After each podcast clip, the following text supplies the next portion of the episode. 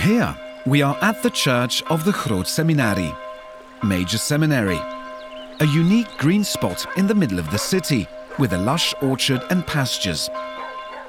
This Cistercian abbey, erected between 1628 and 1642, was a place of refuge for the monks of Ter Duinen Abbey when they left Koksijde for a safer existence within the city walls of Bruges.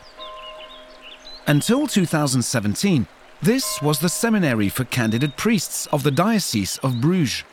But in November 2017, Lode Aert decided to move the priest school to the Johannes 23rd Seminary in Leuven as of 1st of September 2018.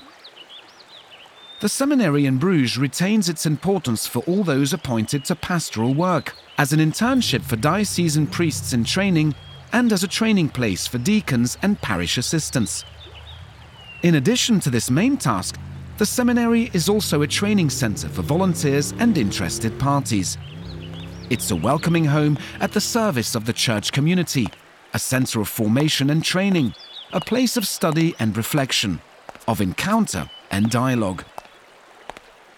On the street side of the Potterierei is the entrance to the church and also to the installation Black Lightning by German artist Gregor Schneider. As soon as you decide to take the first step, you can walk through a dark corridor in the nave of the church, while you don't really have a view on the interior, but stay focused on your own path through the installation. There is no time here for a touristy glimpse at the church's architectural construction or religious treasures. The enclosed corridor is more like a funnel that gets you zigzagging through the darkness like a lightning bolt. You may smell the fresh wood and feel the softness of a carpet underfoot. Otherwise, you're in your own presence and perhaps that of some nearby visitors. From time to time, you may even find yourself in a claustrophobic space or overwhelmed by smells that can permeate gloomy corridors. And at times, you may question why you took that first step, where you got the confidence to be guided by the artwork. Along the way, there is time for solitude and transformation. Are you disoriented or trapped by the walls that keep blocking your way out? Eventually, along a side aisle, there is a door that takes you to the garden. Gregor Schneider combines a minimalist visual language with the architecture of buildings and a city's symbolic elements. Fear and imagination reside in the rooms, cellars, containers, and corridors through which visitors move, sometimes making them question whether they're spectators, participants, or intruders.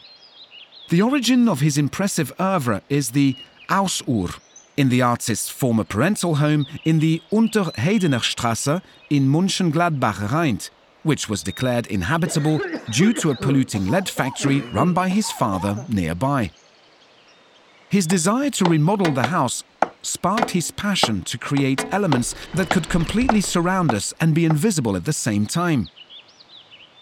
He himself calls it a form of begreifen, a way of reaching understanding through actions and possibilities.